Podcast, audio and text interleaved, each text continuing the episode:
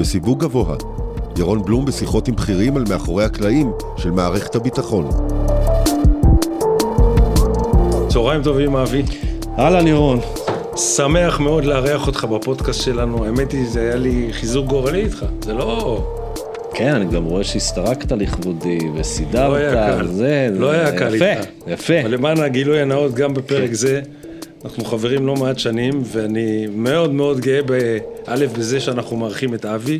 מדברים היום על ביטחון, נעשה לו איזה טוויסט לנושא של הביטחון.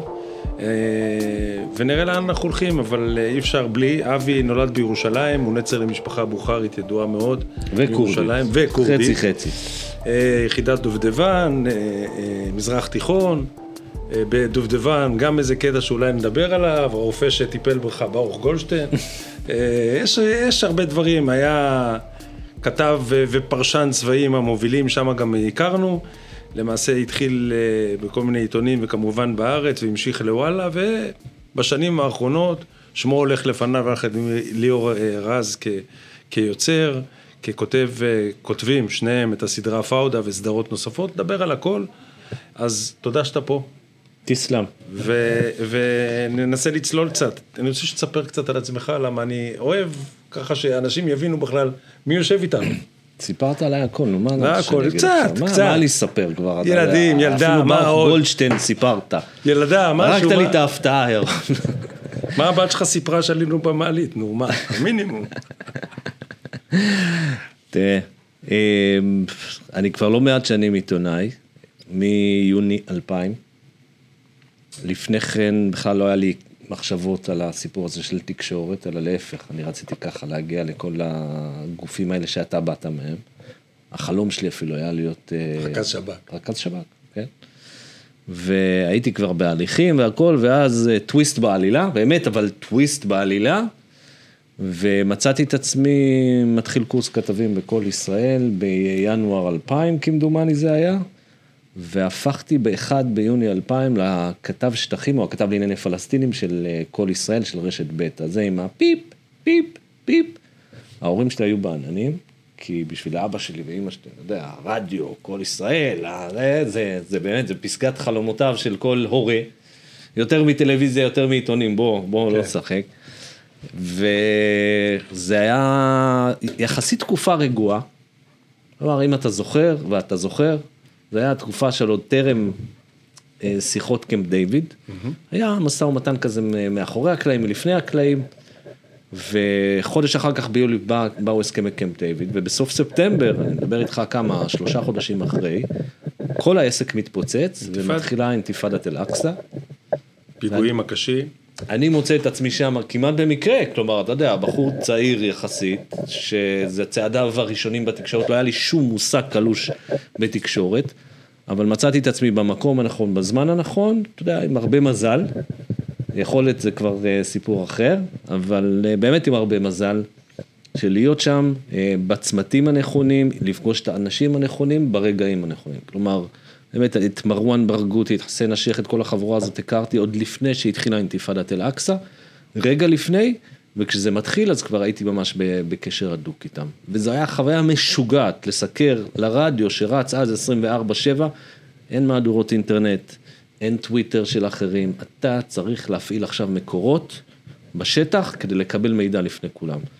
כמו רכז שב"כ, same same but very different, כלומר, אין לך כסף לפתות אנשים, אין לך רישיונות עבודה לתת לאנשים, אין לך את האמצעים האלה, אתה צריך עם הרבה קסם אישי, עם הרבה שכנוע, לאט לאט לגרום למקורות, חלקם אנשי טרור, לגרום להם לעבוד לדבר. איתך.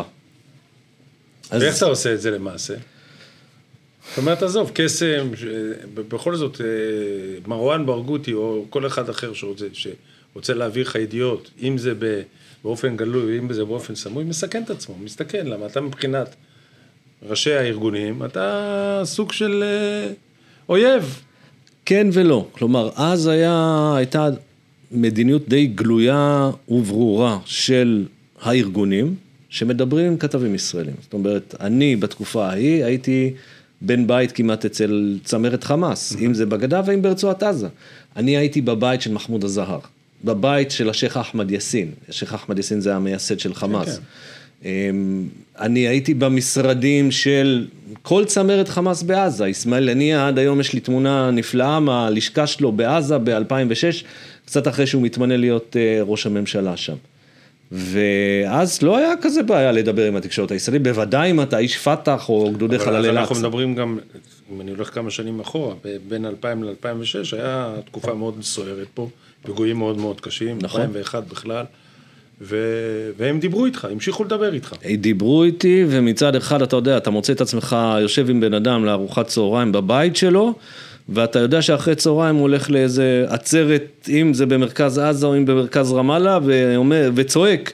ללקוץ ריחין שועדה במלאין ומשבח את פיגועי ההתאבדות. לא, לא פחות מזה, אבל אין לו שום בעיה לשבת איתך, לדבר איתך, לקשקש, לצחוק. כי הוא קידם את האינטרסים, זה מקדם את האינטרסים שלו או. ושל הארגון, נכון. ולכן הוא מדבר איתך, לא ואז- משום סיבה אחרת. שאלת למה. כן. עכשיו, מוש עשן, אה, שאני, לא בגלל שאני נראה כל כך אה, בלונדיני, גבוה, יפה, עיניים כחולות, בגלל שיש פה אינטרס. זאת אומרת, הוא מבחינתו מקדם את הרעיון, דוחף את הרעיון גם לצד השני של האויב, אבל גם בתחרות הפנימית. כלומר, הרבה פעמים אנשי פת"ח דיברו איתי כדי לפגוע בחמאס, וההפך, זאת אומרת, אנשי חמאס מדברים איתי כדי להוציא את הכביסה המלוכלכת על פת"ח. ולפעמים, וזה החלקים שאני הכי אהבתי, אנשי פת"ח מדברים איתי כדי ללכלך על החברים שלהם מתוך הפת"ח. שזו תופעה מוכרת וידועה, התקשורת הישראלית אז, אז, באמת זה היה המקום שבו אפשר להוציא את הג'יפה, כי בתקשורת הפלסטינית לא פרסמו על שחיתות, על אה, אה, תקיפות מיניות, על דברים כאלה. אז איפה אתה כן יכול ללבן את הדברים האלה? אצל הכתבים הישראלים. אז אתה ממשיך עד, אני למעשה הכרנו ב-2011 ככה באופן יותר אה, אינטנסיבי ואינטימי בתקשורת, ישבנו יחד פרשניות, היית כבר בוואלה, היית אורים ותומים בתחום הפלסטיני, ובאיזשהו שלב נעלמתי, נעלמת ולא כל כך הבנתי איפה פתאום הפכת להיות בעיקר יוצר. תראה, זה לא בדיוק ככה, כלומר, כשהתחלתי לעבוד על פאודה יחד עם ליאור רז, שאת ליאור אני מכיר מגיל 16 בעצם, וואלה. בירושלים, כן, עוד לפני שהיינו בצבא ביחד, והיינו בצבא ביחד, אני קצת יותר צעיר ממנו, אל תספר שסיפרתי את זה, אבל uh, אני צעיר ממנו בשנתיים, שלא נשכח את ה... את ההיררכיה. וכשהתחלנו, נפגשנו ב-2010 במילואים והתחלנו לעבוד על פאודה, אני עוד הייתי כתב במשרה מלאה בהארץ, ולאט לאט ככה התחלנו לרקום את הדבר הזה שנקרא פאודה. גם ב-2014 כשכבר צילמנו את פאודה, ושים לב אם בסוף 2010 אנחנו נפגשים, ביוני 2014, סליחה, במאי 2014 אנחנו מתחילים לצלם את פאודה. כתבתם את זה כמה שנים קודם. כן, אבל הרעיון לא נמכר. זאת אומרת, אף אחד לא רצה את זה בטלוויזיה הישראלית. לא, לא בערוצים שאנחנו מכירים. כלומר, אף אחד לא רצה את זה עד שהגענו ל-yes, ו-yes אמרו כן. והמשכתי להיות כתב גם אחרי העונה הראשונה וגם אחרי השנייה, ואפילו אחרי השלישית. איפשהו סביב 2020 כבר הבנתי שאי אפשר להמשיך בכאילו. כלומר, עיתונאי במשרה מלאה אני לא. אני כבר לא רץ ומתרוצץ לי לא בגדה, יהודה ושומרון ולא ברצועת עזה, שלשם אני, אני מנוע כניסה מ-2007, כלומר הייתה החלטה של הישראלים לא להכניס כתבים מ-2007 כמדומני, ואז אה, אני מתרכז הרבה יותר בכתיבה של הסדרות שלנו, הסרטים שלנו, ויש לנו לא מעט פרויקטים. עכשיו, לא מזמן, עלה פרויקט חדש שלנו שנקרא Ghosts of Beirut, רוחות ביירות ב-yes, לפני כן זה כמובן עלה בערוץ Showtime. עשינו גם את Hit and Run לנטפליקס, וכבר יש עוד כמה פרויקטים בדרך. אבל זה, זאת הקריירה, ובעצם ביקשת ממני לספר על עצמי, אז אז תראה, גם- המסלול, המסע הוא קצת משוגע, כלומר, אני מסתערב בין 91 ל-95, לעיתונאי שמסקר את האויב, דובדבן, דובדבן, אחר כך אחר כך עיתונאי, מ-2000 עד 2020, עכשיו בעצם אה, יוצר סדר, סרטים, סדרות, וכאילו מרמאללה, אני מוצא את עצמי מטייל בהוליווד. זה, זה המעבר החד. וגם עושה מילואים בצבא ותורם את חלקך. כן, כן, אה, וגם שם, אתה יודע, יצא לנו להכיר, אה,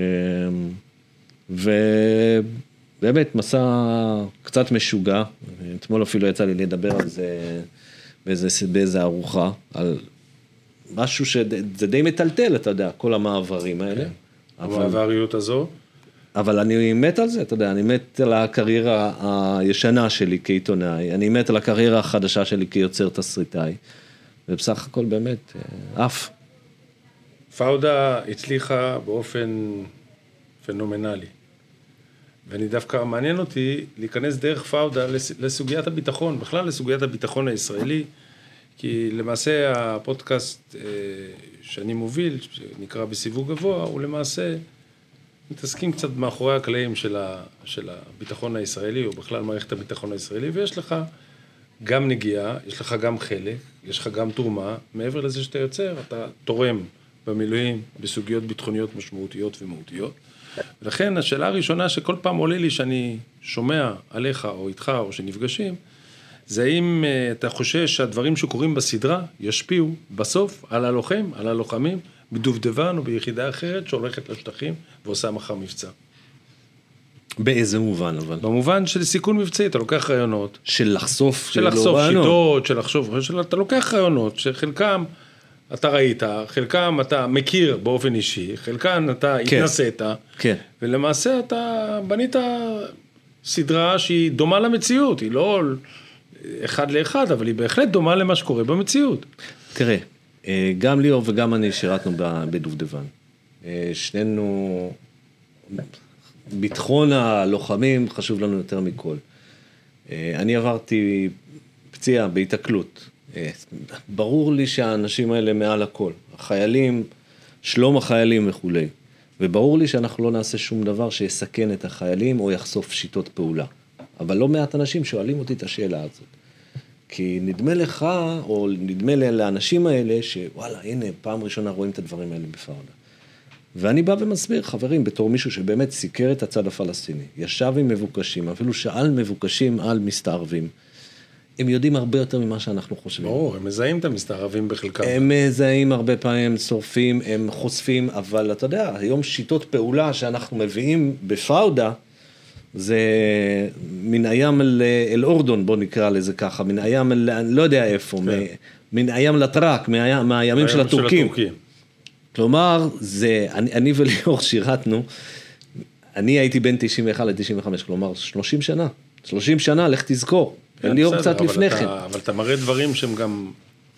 אני לא, אני לא הרגשתי שאנחנו חשפנו חלילה איזה שהן שיטות פעולה שלא היו ידועות. בוא, להסתערב, כל פלסטיני יודע שיש את השיטה הזאת היום. אוזנייה באוזן, כל פלסטיני יודע שיש לה- למסתערבים אוזניות. דברים כאלה שאתה אתה לא חושף פה איזה שהם באמת דברים שלא היו ידועים וחשיפה מזעזעת. אנחנו מאוד רגישים ומאוד זהירים לדבר הזה. עכשיו, אתם מסתובבים המון בעולם, כן. ואתה נפגש גם עם שחקנים, גם עם יוצרים, גם עם אה, תסריטאים, גם עם בימאים, גם עם מממנים. מה הם חושבים על הסיטואציה הביטחונית, הביטחונית בישראל? האם מדברים איתך על זה? הרי אתה בר סמכה. בשביל זה אתם גם מאוד מאוד מצליחים, מעבר לזה שאתם תסריטאים נהדרים, אבל אתה בר סמכה גם בתחום. כן. שואלים מה... ברור, ברור, כל הזמן שואלים. עכשיו, אלה שיודעים שגם אני עיתונאי, פרשן, אז ברור ששואלים וחופרים ומבינים שיש פה מישהו שהוא לא עוד תסריטאי או יוצר, אלא מישהו שבאמת בא עם רקע ו- והבנה. אז הרבה אנשים רוצים להבין מה, מה קורה, להרבה אנשים כמובן יש גם את הדעה שלהם.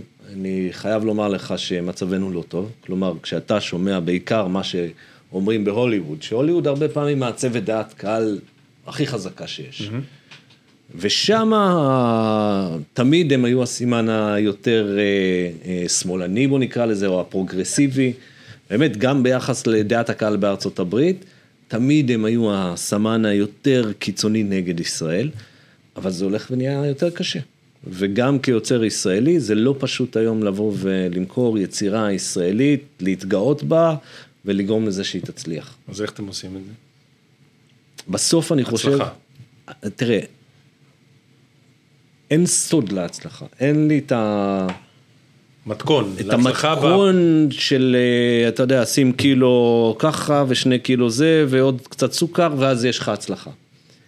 אני חושב שההצלחה של פאודה, שהצליחה יותר רן או אוף ביירות, אין ספק לגבי זה, בסוף הייתה הרבה אותנטיות, והרבה דברים שבאו מהלב. ואני חושב שזה המתכון המנצח.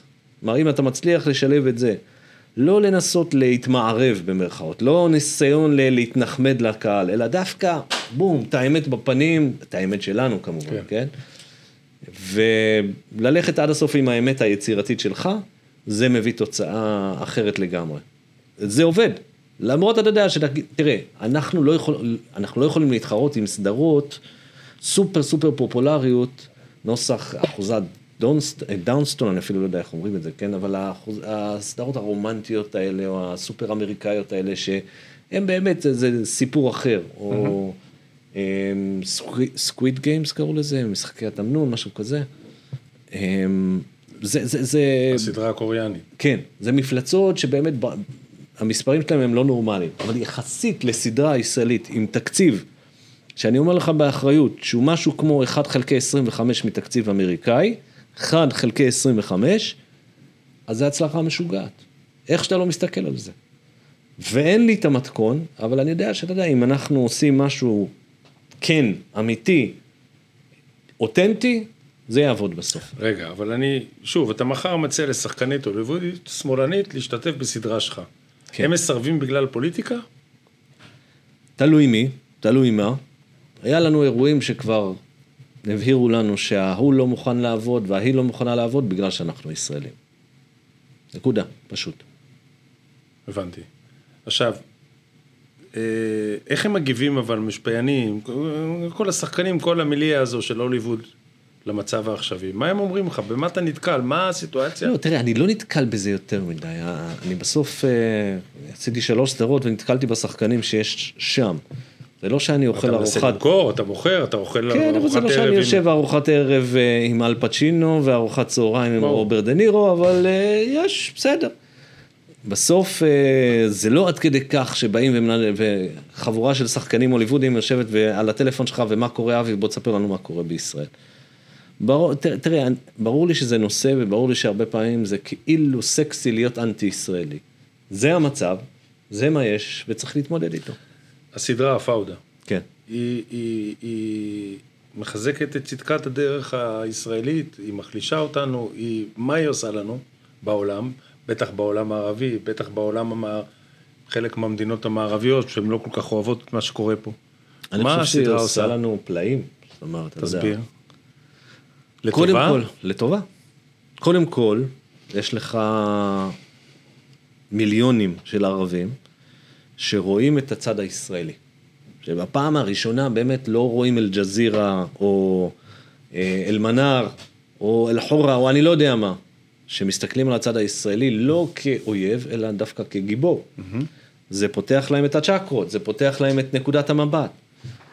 והם יכולים אפילו להזדהות עם הגיבורים הישראלים. כלומר, בסוף, בסוף, בסוף, כשאתה מסתכל על פאודה, הרי ברור לך שגם אם הגיבורים שלך הם קצת אלימים והם קצת מחוספסים ואפורים ולפעמים עושים דברים לא חוקיים, בסוף הם הטובים.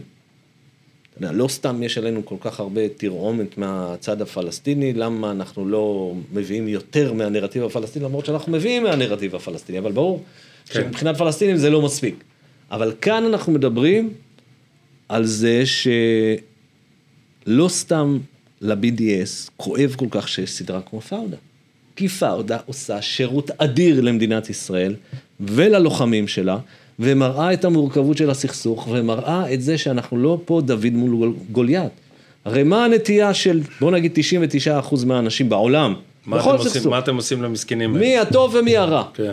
וכשמסתכלים על הפלסטינים מול הישראלים, אומרים, "אה, ברור שזה הישראלים זה הרעים והפלסטינים זה החלשים. פה אתה מביא משהו ואתה אומר, רגע, רגע, רגע, יש פה אירוע מסובך.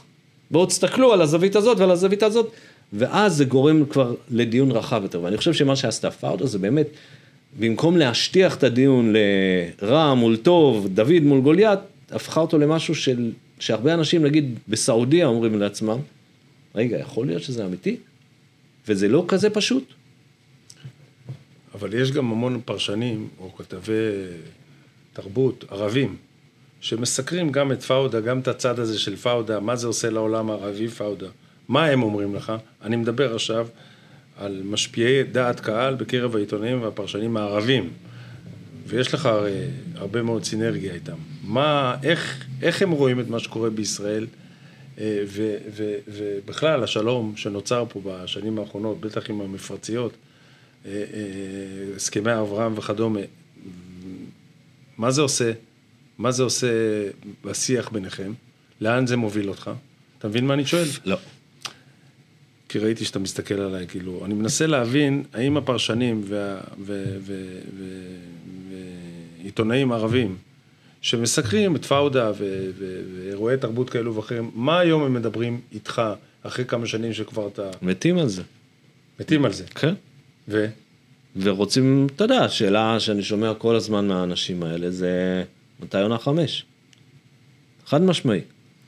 גם אם, אתה יודע, הדמות של הישראלי קצת אה, טובה מדי בעיניהם בסוף. זו סדרה שתופסת אותם. זאת אומרת, בסוף אתה אומר, הפאודה עשתה שירות בלתי רגיל, יותר טוב מהרבה מאוד פעילות של משרד החוץ הישראלי, בעולם המערבי והערבי. בטח בעולם הערבי. לא סתם, משרד החוץ גם העניק לנו איזשהו פרס אה, כזה של, אמנם משרד החוץ בעידן של אה, ממשלת אה, בנט-לפיד, אבל בסוף אני חושב שכאילו, רוב האנשים, אה, אתה יודע, אבל אני מכיר אולי אחד, ישראלי יהודי שמתח ביקורת על זה שפאודה עושה נזק ל... לישראל בעולם. לא, לא, לא משנה. לא, לא שווה להזכיר את שמו. אמ, יש פה הבנה ברורה, אתה יודע, כשיש לך סדרה כזאת, שעוד הפעם גורמת לאנשים להבין את המורכבות, אז אתה מבין משהו אחר. כי רוב הצעירים בעולם ורוב האנשים בעולם נוטים להשטיח סכסוכים, נוטים להשטיח כל סוגיה, כן? בסוף כשג'ני חדיד אה, מעלה לאינסטגרם שלה משהו על זה שהישראלים הרשעים מזיקים ו... אליה אתה לא פונה בסדרה, לא, לא, בעונה לא, הבאה. לא, אין, אין כוונה. אה, אז בסוף כשאתה רואה מה פאודה עושה, אתה מבין עד כמה עשינו פה שירות טוב. עכשיו, בוא נדבר קצת פוליטיקה, לא פוליטיקה, בוא נדבר קצת על הסכסוך הישראלי. בוא נדבר פוליטיקה, אין לי בעיה. נדבר גם פוליטיקה, כי אחת התמונות ש... ש... שאני זוכר בתקופה האחרונה זה אותך עטוף בדגל ישראל באחת ההפגנות שהיו בקפלן, נכון. שנאמת, נהיו מרגש מאוד, אבל אנחנו נגיע לזה, לא... כי זה מאוד מעניין אותי, כי אני מניח שהיו לך דילמות אם כן ללכת, לא ללכת, כן לנאום, לא לנאום, מה זה יעשה לך באופן אישי, מה זה יעשה לסדרה, מה זה יעשה לסדרות אחרות. אבל לפני זה אני רוצה לדבר רגע כדי לא להשטיח את הסכסוך רק לסדרה, מה, מה, לאן אנחנו הולכים? לאן נראה לך שאנחנו הולכים עם הרשות הפלסטינית, עם המצב של, שקורה ב, ביהודה ושומרון, הממשלה שנותנת, חלק מחברים בממשלה שנותנת רוח גבית לקיצוניים, לנוער הגבעות, כמו שקוראים להם, למרות שהם מזמן כבר לא נוער ומזמן לא רק בגבעות. מה דעתך לאן אנחנו הולכים? וזה אני עכשיו בכובע של פרשן, שאני מחזיק ממנו. זוועה. אני חושב שאנחנו גוזרים פה את גורלנו למדינה שדוהרת לכיוון מדינה דו-לאומית, ואם לא מדינה דו-לאומית, מדינת אפרטהייד. אין, אי אפשר לשחק עם זה יותר מדי. אתה יודע, ברגע שאתה מוחק את הקו הירוק ומטשטש אותו ואומר, אני מהים ועד הנהר, מדינה אחת, לא יעזור כלום. זה, זה דרך אגב, זה בדיוק מה ששייח' אחמד יאסין אמר לי בזמנו, על מדינה פלסטינית אסלאמית, כן? מהים ועד הנהר ושום דבר. זה אותה מנטרה, אותה, אוקיי. רק תשנה את השמות ותשנה את הארגונים. ומה תעשה עם 2.9 מיליון פלסטינים שחיים כן. בגדה? מה, מה תעשה איתם? ואז אתה אומר, רגע, אז מה, אז אתה תמשיך להתייחס אליהם כמו לא אזרחים אפילו, אלא כעם תחת כיבוש. ומה יגיד העולם? אהלן וסהלן, תפדלו, תמשיכו, רק תעשו ככה, תבנה עוד מאחזים, עוד התנחלויות. כאילו, אני, אני לא רואה את האנד גיים.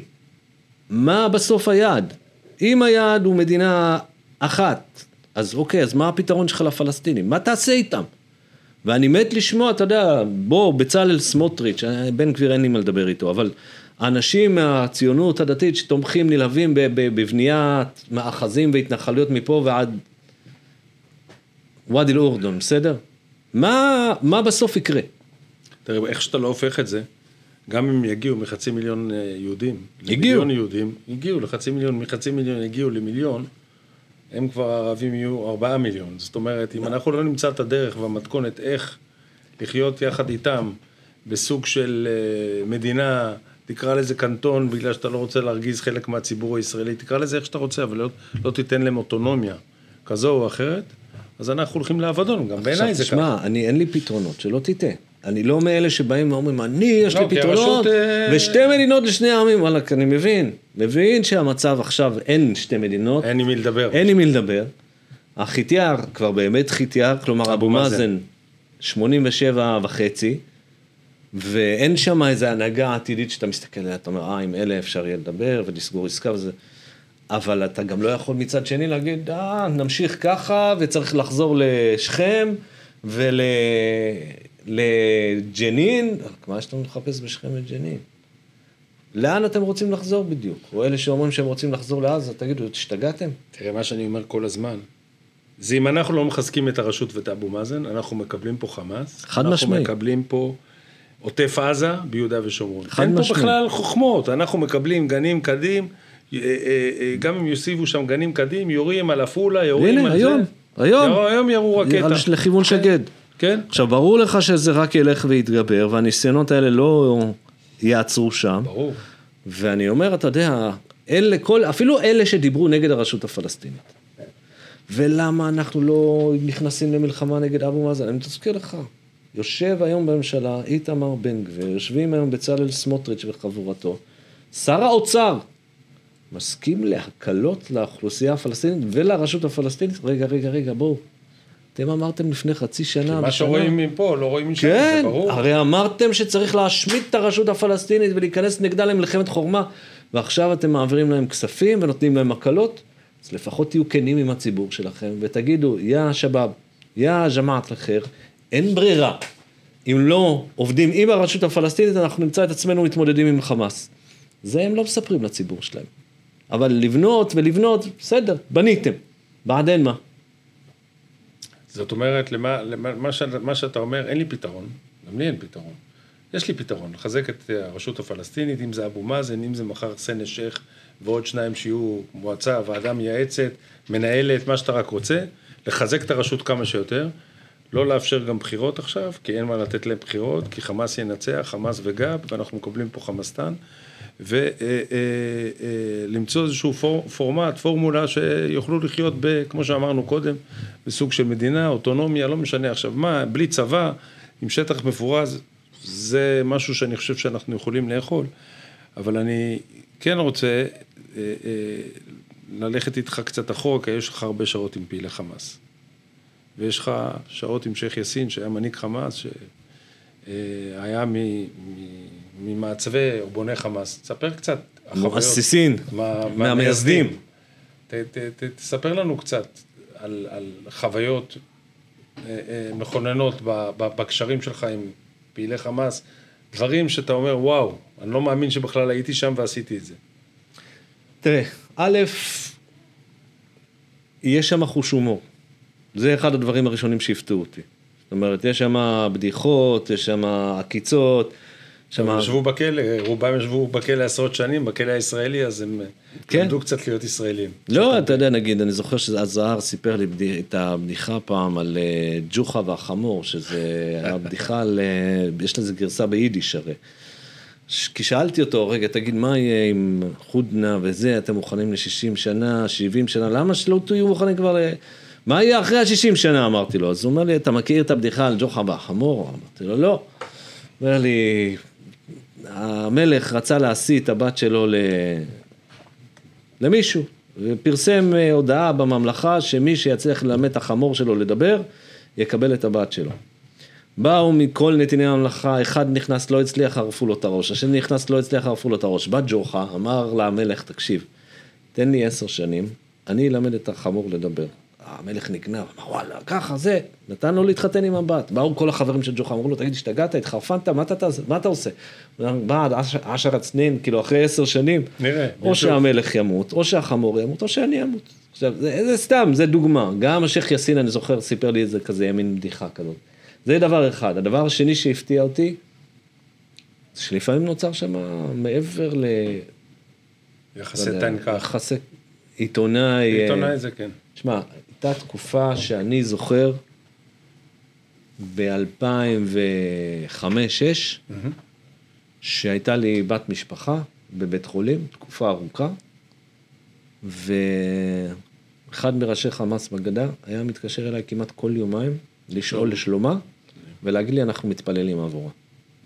אתה אומר, מה? אתה כאילו לא מאמין, הרי הבן אדם הזה אומר, "אני- בואו נטבח ביהודים ונהרוג אותם ונעשה פיגועים ומה לא, ומתקשר אליי ואומר לי, אנחנו מתפללים לשלומה. אז אתה אומר, מה, מה קורה פה? וזה הסתירות האלה, הסתירות המובנות, בתוך הדבר הזה שנקרא חמאס וישראל, בסוף אתה רואה את זה. אחד הדברים שאני רואה על יחיא סינואר זה פעם אחת ההתמתנות שלו, זה לא התמתנות, זה הבנת המציאות, קריאת תמונת המצב הנוכחית ומה האינטרס שלא לשרוד. הרי נזכיר לכולם שהוא כמעט נפל בבחירות האחרונות כן. לניזאר עוודאלה שהיה יחד איתו בעסקת שליט, ולמעשה אה, שהיה יחד עם ג'אברי בעסקת שליט ו, ושחרר את יחיא סינואר והוא הפסיד לו כמעט. והוא מבין שהיום האינטרס שלו זה שקט, זה להכניס 18 וחצי אלף פועלים, מבחינתו זה גם יהיה יותר, רק יש תקרת השון, ועוד לקבל uh, הרבה מאוד דברים כדי לפתח את עזה ו- ו- ולעצור כל, כל יציאה של פיגוע מעזה ישירות לישראל, אלא לבנות רב זירתיות, לבנות, לבנות מה שנקרא מנגנון פיגועים. לבנון, גדה, גדה, לבנון, חו"ל. כמו שאתמול נחשפה החוליה בבנימין, כן, שתכליתה, אחת התכליות שלה היה לחטוף נכון. חייל נכון. ולעשות, וזה דיסוננס מטורף. לגמרי. אתה אומר, רגע, איך מדינת ישראל בכלל מעכלת את זה? איך היא נותנת להם בכלל לחיות? איך היא לא מורידה את ראש, את ראש הנחש? הרי יש פה ראשי והנה, נחש. אני אומר, יש פה ממשלת ימין על מלא מלא. כאילו, אין יותר ימינה מזה, בסדר? ואפילו הממשלה הזאת מאפשרת כניסה של פועלים מעזה, מאפשרת עסקים עם חמאס, אין, לא מורידים את השלטר ולא סוגרים את המים. צריך שקט בעזה, וזה מה שעושה ממשלת ישראל. עכשיו, נחזור רגע לדגל שלך, דגל ישראל, ושהחלטת באחד מההפגנות בקפלן לנאום. וראיתי שאתה מתרגש. תספר לי על זה קצת. תראה, זה באמת אחד האירועים ש... מראים הרבה עליך, מי שלא מכיר אותך, ומי שמכיר אותך בכלל. תראה, זה יחסית היה גם בהתחלה, נראה לי שזה היה חודשיים אחרי שהתחילו ההפגנות. אמ, וכשפנו אליי ודיברו איתי, אמרו לי חשוב שהקול שלך יישמע. ואני חשבתי לעצמי... בגלל הבינלאומיות שלך, בגלל זה שאתה מוכר בינלאומית, בגלל... אני לא יודע, אני חושב אני חושב. לא רק, בוא, אני לא מתבלבל, זה לא רק בגלל הבינלאומית, אני חושב שגם באתי כמישהו שגדל בבית ימני. רוב המשפחה, אני לא מדבר על אמא אבא, אנחנו גדלנו בחמולה. דודים, דודות, אה, סבתא, חצר של סבתא, כולם גדלים שם. בוכרה קטנה. כורדיסטן הקטנה, אה, ושם אצל הכורדים היה רוב מוחץ, ל- לא ל- לליכוד, אלא תמיד ימינה משם. כמה כן? סירי קובי יש בשבת? זה אני רוצה לדעת. כמה סירים שונים יש? אתה מבין? זה משהו שאני מתגעגע אליו, זה משהו שדי, אין, אין. יש אה, לי חבר, ב- יש לי חברים בשדה תרומות. כן, אז אני כל שבוע מצלצל להגיד שבת שלום, זה חשוב. כן. אז אני אומר לה, דורית, כמה סירים יש היום? 13 סירים היא שמה, אני קורא לה וואי, 13. וואי, לא, היה, אצלנו היה שניים שלושה, אבל. אה, בסדר גודל גדודי, אתה יודע, אסירים גדודיים. עמוס היה מפקד מג"ב, אז אתה מכיר אותו, אבל כאילו, אתה מבין, המסורת הכורדית זה משהו, ככה התוודעתי ל- ל- ל- למסורת כן, הכורדית, כן. דרך שדה תרומות וכו'. יום שישי מדהים, על יום הבוקר, שישי- על הבוקר כבר, שלא מחכים לצהריים, כבר אתה תוקע את הקובות הראשונות. אה, ושם היה בית באמת מאוד ימני. אני מדבר איתך על כהנא כיכב שם, אה, כזה סטייל. תכף נגיע לגולדשטיין, כן. הזכרת לי. ו...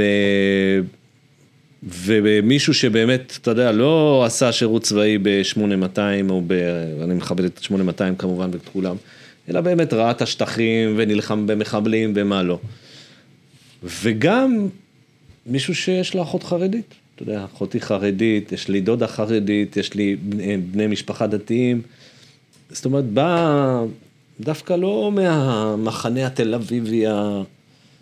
ושם באתי ואמרתי, ואז זה עוד היה בהתחלה שחשבתי שיש עוד אה, באמת פרטנר ושיש עוד עם מי לדבר ושצריך לדבר, ובאתי ויצאתי בפנייה לנתניהו, בוא עצור ונדבר. ואני חושב שעד היום באמת, אתה יודע, אם נתניהו הרי היה עוצר לרגע ואומר, אוקיי, אני עכשיו עושה עצירה של שנה, שנה, ובוא נדבר.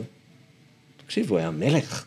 מה זה מלך? הוא לא היה מלך של אה, 20 אחוז מהעם שתומך ברפורמה המשפטית, כמות שהיא. כן. הוא היה מלך של 60 אחוז מהעם. והוא בוחר שלא לעשות את זה. עכשיו, זה היום, אבל אז באמת באתי בקריאה יותר של בואו נדבר. אגב, השאלה אם הוא יכול היום. אני חושב שהגולם קם על יוצרו, אבל אה, השאלה אם הוא יכול היום. אני חושב שאלה. ש... שהוא יכול היום. אבל אתה יודע, זה לא היום. כולם יסכימו, ואני חושב שהיום אנחנו, אנחנו כבר, ב... ב... אתמול צייצתי משהו בטוויטר, ש... שנתניהו, אבל בעצם כולנו. זה כמו הבן אדם הזה שקופץ מקומה 34, ובקומה 32 אומר המצב פה סבבה. עכשיו, אתה מבין שאנחנו כבר בדרך לה... להתרסקות הכואבת. יש לו עדיין את היכולת לעצור, אם אתה שואל אותי. והוא בוחר שלא לעצור, זאת אומרת, אנחנו מת, מתקרבים לתחתית, מתקרבים להתרסקות הכואבת, ולצערי הוא עוד לא עוצר. אני לא יכול בלי לא לשאול אותך בחמש דקות שנשאר לנו כמה שאלות. ראשית, לגבי דובדבן, הסיפור הוא של ברוך גולדשטיין, שהיה רופא שלכם, או איכשהו הגיע לפיגוע שבו נפצעת, תספר לנו במגבלות העכוז. חברון, ינואר 94, אמ, אנחנו באיזשהו מבצע שם, ונתקלים בחוליה של ארבעה מחבלים, שאני הייתי בטרסה שחולשת על הגג, אז הם ראו אותי, אני עשיתי איזה שם טעות, הדלקתי פנס, ירו לעברי, פגעו בי, אין רופא. הרופא בכלל של היחידה היה ביחידה, שהיה יותר משעה מרחק, ואז הקפיצו רופא מקריית ארבע. מגיע בחור שאני הגעתי אליו אחרי שעה ומשהו, כי אי אפשר היה לחלץ אותי בהתחלה, אבל אחרי שעה ומשהו הגעתי אליו, זקן, אה, מבטא אמריקאי, אה, ניסיתי לשאול אותו כמה דברים על אה, אזור הפגיעה, על אם הכל בסדר אצלי, הוא לא כל כך הבין, אבל אחרי שקרה המקרה של הטבח במערת המכפלה, באמת ראיתי שברגע שהראו את התמונה שלו, אז אמרתי, רגע, רגע, זה הוא. ואז בדקתי באמת במד"א קריית ארבע והבנתי שזה באמת היה אותו אדם.